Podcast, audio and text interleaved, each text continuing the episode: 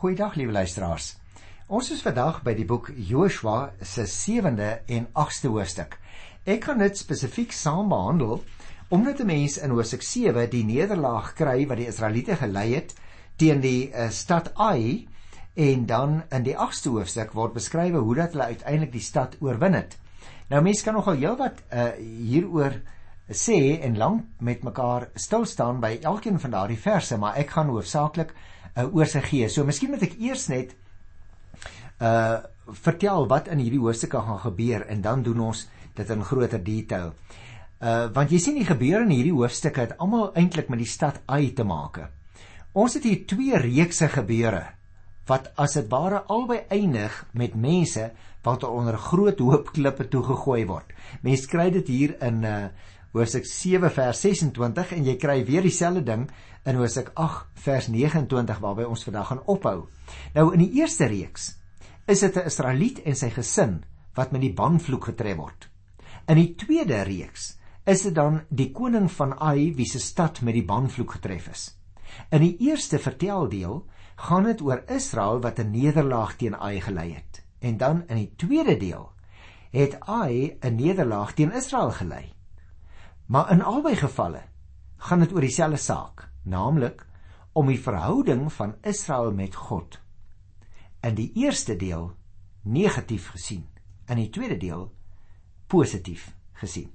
So kom ons begin. Kyk ons na hierdie twee kante. In die eerste gedeelte wat ons dan kry van Hoofstuk 7 vers 1 tot 26 word gedemonstreer aan die hand van die nederlaag teen Ai wat daar gebeur wanneer mense God vergeet. Kom ons begin by die eerste 2 verse. Die Israeliete het troueloos gehandel met die banoffer wat aan die Here behoort het.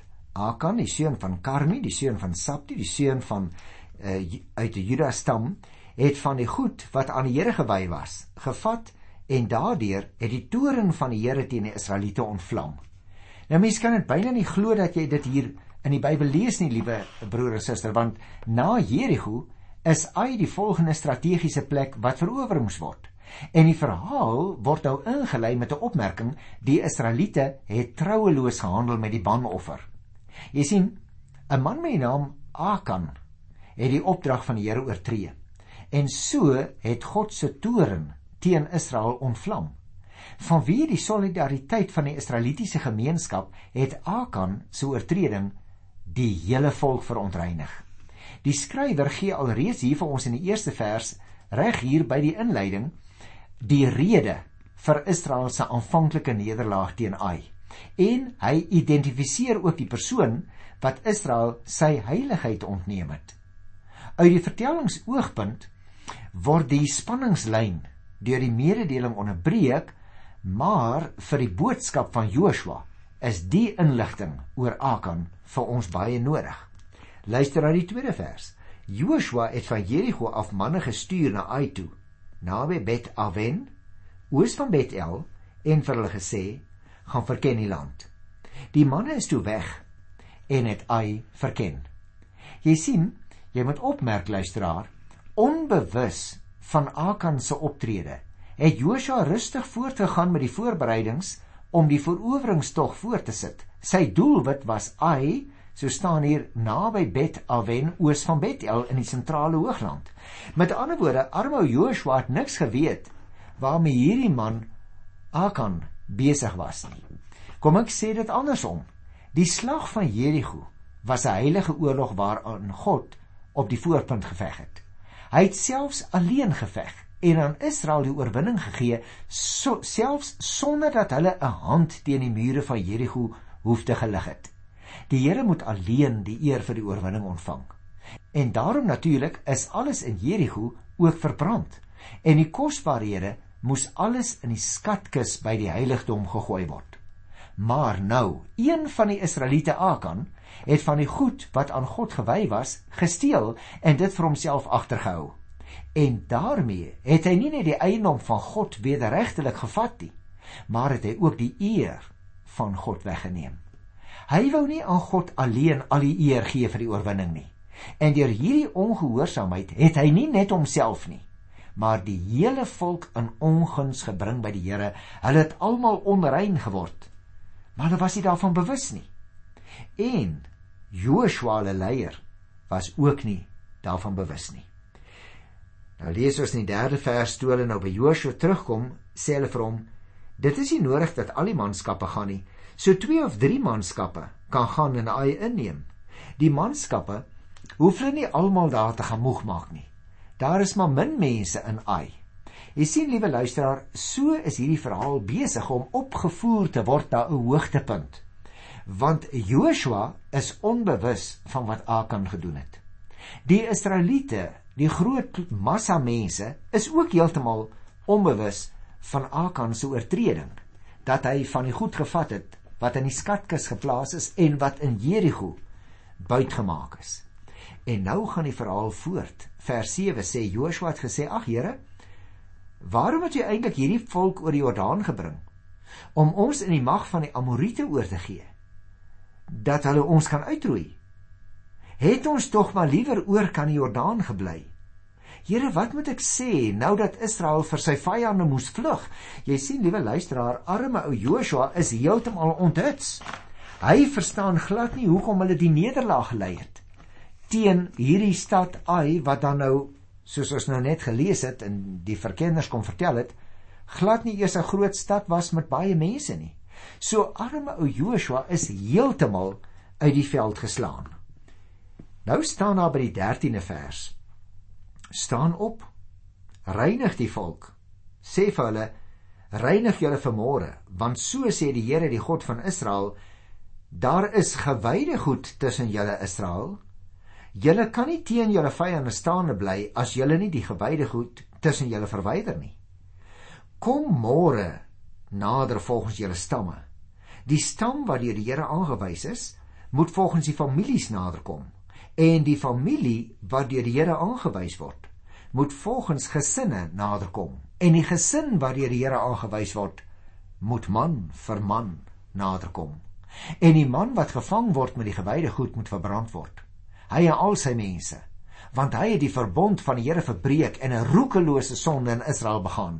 Met ander woorde, die Here sê nou vir Joshua, luister. Daar het iets gebeur en hier is 'n onreinheid. En daarom wil ek hê môre moet die mense stam vir stam, familie vir familie en uiteindelik gesin vir gesin naderkom. En ek gaan vir jou wys waar die onreinheid begin het en hoekom julle dus moes weghardloop toe jy eintlik die stadjie Ai moes oorwin. Kom ek vertel dit vir jou so bietjie van 'n ander kant af. Jy sien liewe luisteraar, toe Joshua teen Ai opgeruk het, soos die derde vers ook vir ons vertel het, het hy nie eers die Here om leiding gevra nie, maar op die militêre krag van sy eie leer staat gemaak. Eers na die Israeliete se nederlaag het hy vir die Here gevra wat dan gebeur het. Hy en die ander leiers het hulle klere geskeur en hulle het as op hulle koppe gegooi as tekens van rou. Hulle was verslae en verward oor die nederlaag teen die klein stadjie Ai en dit nogal kort na hulle oorwinning oor die magtige Jerigo. Hulle het hulle voor God verootmoedig. Hulle het die Here begin vra: "Here, wat is dan nou verkeerd? Hoekom gaan dit so met ons? Ons is nog maar net hier by die tweede stad en nou moet ons weghardloop."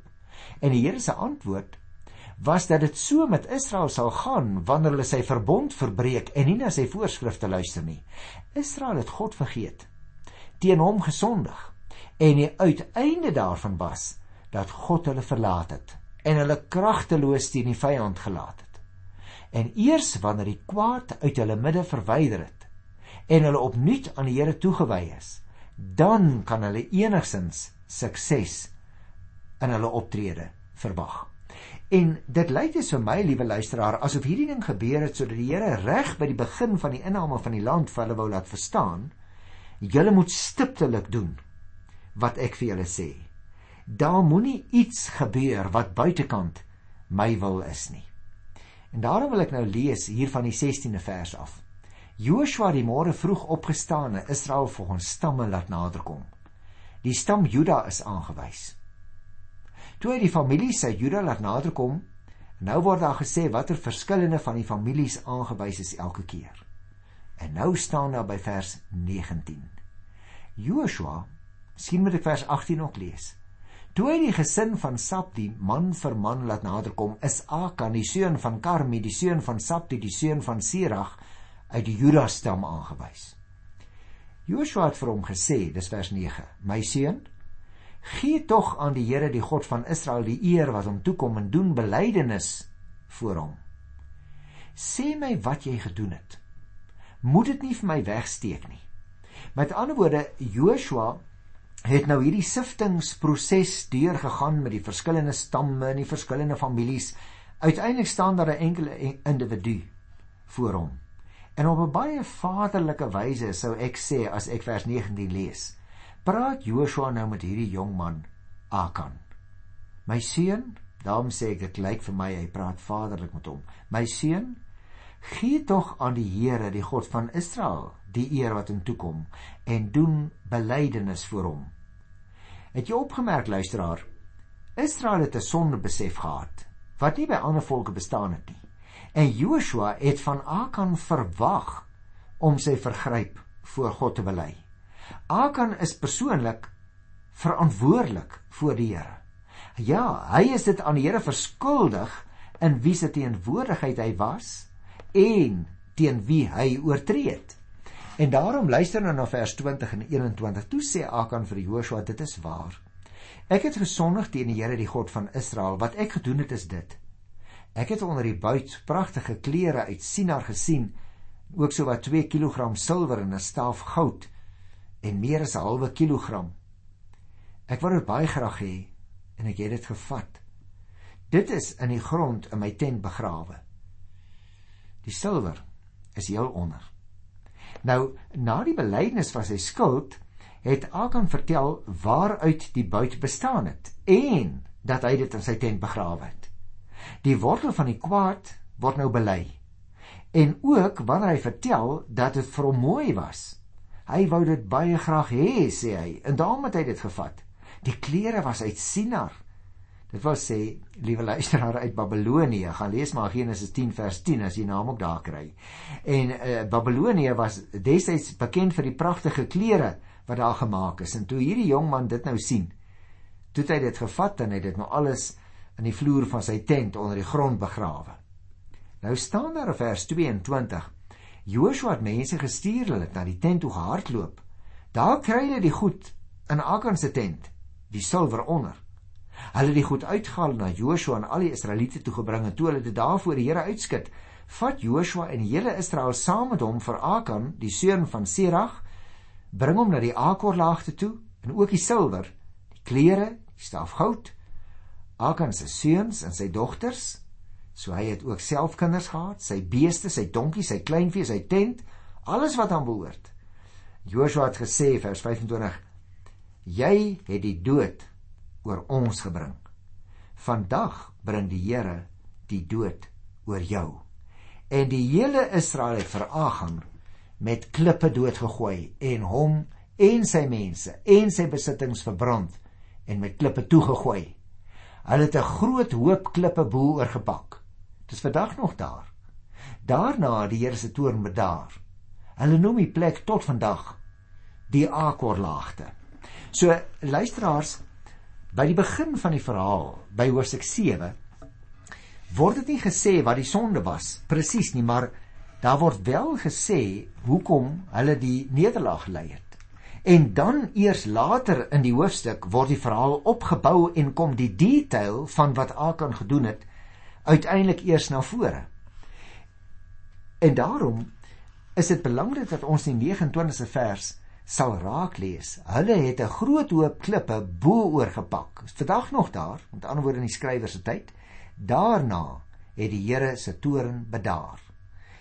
Daarom het ek vir jou by die begin van vandag se program vertel hoe dit daar twee hoope klippe is aan die einde van elke hoofstuk. Aan die einde dan van hoofstuk 7 as gevolg van 'n man wat gevat het wat hom nie toegekom het nie. En die Here het as gevolg daarvan dat die Israeliete moes weghardloop vir die mense van Ai. Hoewel dit 'n klein stadjie was, hoewel daar min soldate was. Maar nou in die 8ste hoofstuk gaan hulle vir 'n tweede keer optrek teen die stad Ai. En hierdie keer is die situasie nou anders, soos ek net nou vir jou begin vertel het. Maar kom ons lees dit in die Bybel self want die woord van die Here het veel meer krag. Die Here het vir Joshua gesê: Moenie bang wees nie. Moenie bekommerd wees nie. Neem al die manskappe met jou saam en trek op teen Ai. Ek gee die koning van Ai, sy volk, sy stad, sy land nou aan jou oor. Jy moet met Ai en sy koning doen soos jy met Jerigo en sy koning gedoen het. Net die buite en die vee kan julle vir julle vat. Laat van die manskappe hulle agter die stad versteek. Met ander woorde, die Here begin om vir hulle te vertel wat hulle presies moet doen. Want jy sien na die nederlaag teen Ai en die gebeure rondom Akan, bemoedig die Here nou vir Joshua want ek kan my dink hy moes baie moedeloos gewees het. Hy sê vir hom presies hoe hy al die manskappe sou moet saamneem. Jy jy merk dus op, liewe luisteraar. Die eerste keer was die berig, daar hoef maar net 'n paar ouens te gaan. Maar hierdie keer is dit anders. Die taakmag was dus aansienlik groter as die eerste een. En die Here verseker Joshua ook dat die uitslag van die geveg in hulle guns sou wees. Jy sien, die inname van Ai toon vir ons bepaalde ooreenkomste met die van Jerigo. Aangesien die stad ook vernietig en verbrand en die koning gedood moes word. Daar's egter ook 'n verskil. Wanneer God die Israeliete toelaat om buit te neem wat hulle in die geval van Jerigo nie mag gedoen het nie. God bepaal dus self die strategie as hy aan Joshua sê hoeveel manne moet monster en ook hoe hy 'n hinderlaag by Ai moet opstel. O, liewe luisteraar, God is die beskikker oor Israel en sy albestuur sluit selfs die kleiner besonderhede in. En so moes Joshua en die volk hier reg van die begin van die inname van die beloofde land af weet dat die Here hulle hier anders as in die eerste geval vergesel toe hulle onrein was as gevolg van Akan se optrede. En dan word dit nou beskryf, liewe luisteraars, hoe dat alles nou net so gebeur het. Vers 9 sê Joshua het hulle laat gaan, hulle het hulle gaan versteek, hulle het uh, hulle tussen Bethel en Ai gelê, wes van Ai, en Joshua die nag tussen die manskappe geslaap. Met ander woorde, hoe dat hulle uiteindelik daarin geslaag het om 'n lokval te stel van hierdie mense in Ai, want hier gaan die Here nou 'n wonderlike ding doen. Hy gaan as dit ware self die vyand verslaan. Luister na vers 18. Toe sê die Here vir Joshua: "Steek die swaard wat jy in jou hand het na uit toe uit, want ek gee die stad in jou mag oor."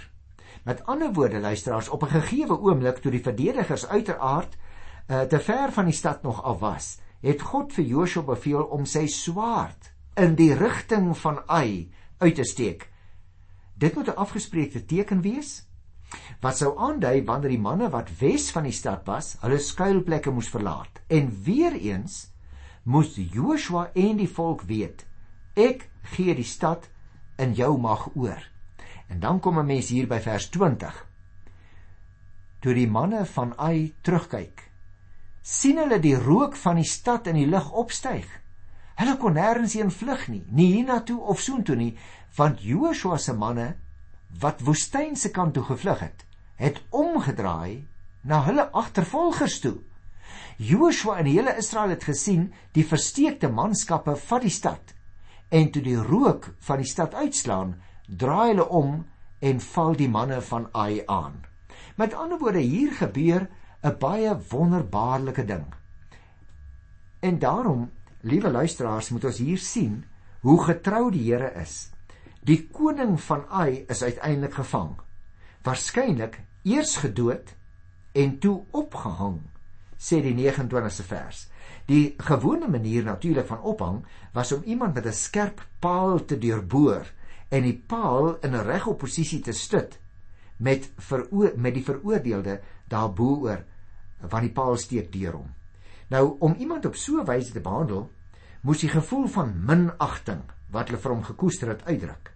Dit was ook terselfdertyd 'n teken van die vloek wat God oor so 'n persoon uitgespreek het. Jy sien, so 'n persoon se lijk moes dieselfde dag nog begrawe word. Mens kry dit ook in Deuteronomium 21 van vers 22 af. En dan die stoffelike oorskot van die tereggestelde is soos die van Akan met klippe toegepak. Die hoop klippe in die stadspoort moes dus as 'n gedenkteken dien. Die klippe oor Akan se oorskot was 'n teken van God se toorn oor die oortreder terwyl dit dan hier by die stadspoort as 'n baken sou dien. Ek wil net weer vers 29 lees. Joshua het die koning van Ai aan 'n boom opgehang en hom daar laat bly tot die aand toe. Toe die son ondergaan, het Joshua opdrag gegee en hulle die lijk van die boom afgehaal. Dit is in die stadpoort gegooi en 'n groot hoop klippe is daaroor gepak wat vandag nog daar is. Ek wil graag luisteraars hierdie 8ste hoofstuk ook so 'n bietjie opsom want ek wil hê jy moet die verband sien. Aan die einde van hoofstuk 7 'n hoop klippe as gevolg van 'n man wat onreinheid oor die Israeliete gebring het toe hy goed gesteel het en toe het hulle die oorlog verloor. In die 8ste hoofstuk word dit omgekeer.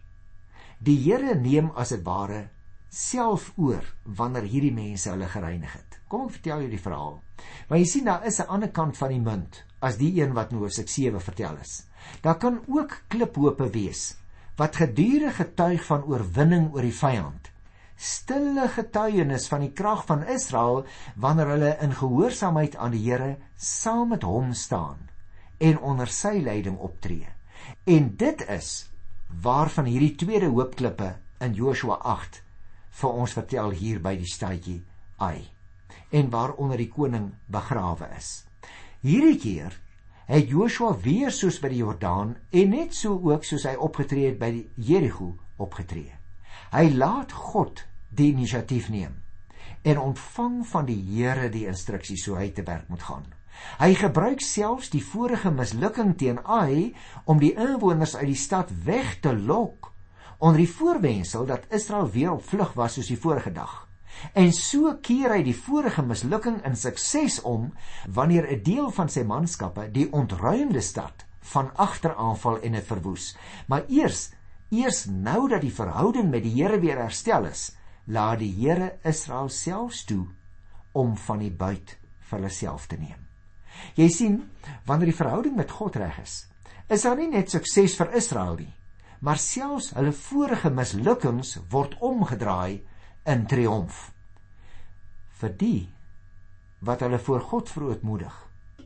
Ja ook vir jou en vir my, liewe luisteraar, wat ons verhouding met die Here herstel wanneer ons oortree het, is daar kliphope wat getuig van mense wat die minustekens in hulle lewens plustekens maak.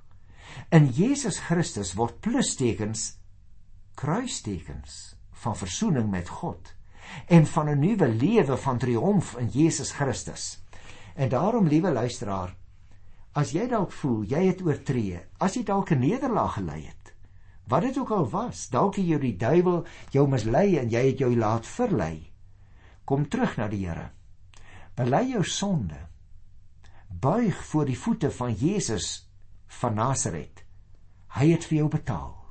Aanvaar daardie vergifnis en stap weg as 'n oorwinnaar. Romeine 8:37. Stap weg as 'n nuwe mens. 2 Korinte 5:17. Nuwe mens. Ek groet jou in die naam van ons koning tot volgende keer. Tot dan. Totsiens.